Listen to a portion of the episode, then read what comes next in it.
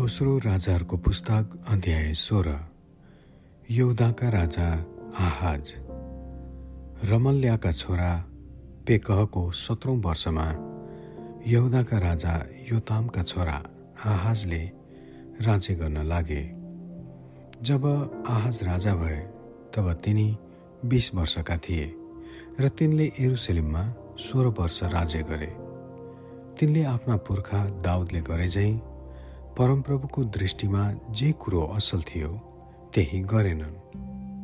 इजरायलका राजाहरूका चालमा तिनी हिँडे।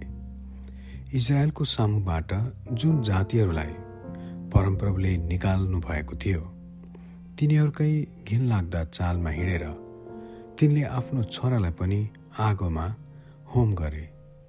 तिनले अग्ला अग्ला ठाउँहरू र डाँडाहरूका टाकुराहरूमा हरेक झ्याममा परेको रुखमुनि बलिदानहरू चढाए र धुप बाले।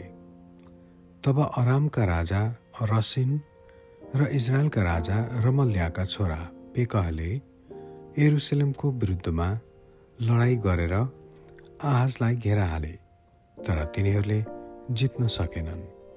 त्यसबेला अरामका राजा रसिनले यहुदाका मानिसहरूलाई धपाएर एलातलाई अरामको निम्ति फेरि लिए। तर एदोमीहरू एलातमा पसे र आजको दिनसम्म त्यसमा बसोबास गरेका छन्। आहाजले असुरका राजा तिग्लत पिलेसेर कहाँ यसो भनेर समाचार वाहकहरू पठाए। म तपाईँको दास र तपाईँकै माथत सेवक हुँ। मलाई आक्रमण गर्ने अरामका राजा र इजरायलका राजाबाट आएर मलाई बचाउनुहोस्। अनि आहाजले परमप्रभुको मन्दिरमा र राजमहलका भण्डारहरूमा भेटाएका सुन र चाँदी लिएर कोसलीको रूपमा असुरका राजा कहाँ पठाए। असुरका राजाले तिनका कुरा सुने र दमस्कसलाई आक्रमण गरेर उनले त्यो कब्जा गरे। उनले त्यहाँका बासिन्दाहरूलाई निर्वासन गरेर किरमा लगे र रसिनलाई मारे। तब राजा आहाज असुरका राजा तिग्लत पेलेसेरसित भेट गर्न दमस्कसमा गए। तिनले दमस्कसमा एउटा वेदी देखे र त्यसका बनावटको सम्पूर्ण ढाँचा पुजारी उरियाह कहाँ पठाइदिए।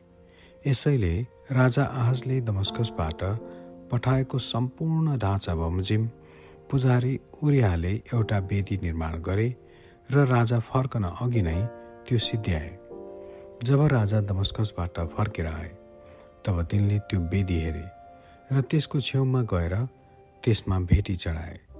तिनले आफ्नो होम बलि र अन्न बलि चढाए र अर्ध बलि चढाव खन्याए र आफ्नो मेल बलिको रगत वेदीमाथि छर्के।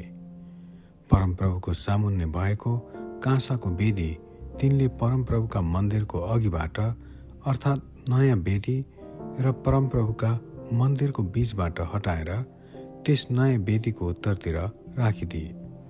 त्यसपछि राजा आहाजले पुजारी उरियालाई यस्तो हुकुम गरे। यस ठुलो नयाँ वेदीमा बिहानको होमबली र बेलुकाको अन्न बलि राजाको होमबली र तिनको अन्न बलि र देशका सबै मानिसहरूका होमबली र तिनीहरूको अन्न बलि र अर्धबलि चढाउने गर। वेदीमा होमबली र बलिदानहरूको सबै रगत छर्कनु। तर काँसाको वेदी चाहिँ म आफ्नो पथ प्रदर्शनको लागि प्रयोग गर्नेछु। राजा आहाजले हुकुम गरे झैँ पुजारी उरियाले गरे।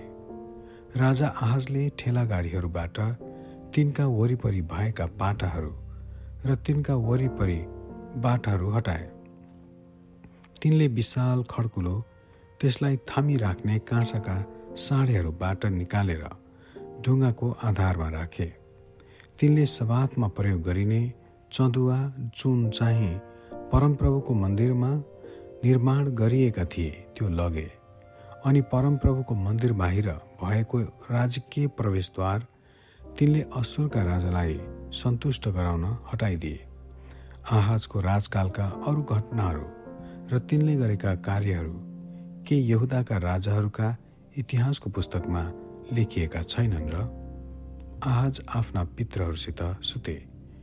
र दाउदको सहरमा तिनीहरूसित गाडिए अनि तिनीपछि तिनका छोरा हिजकिया राजा भए। आमेन।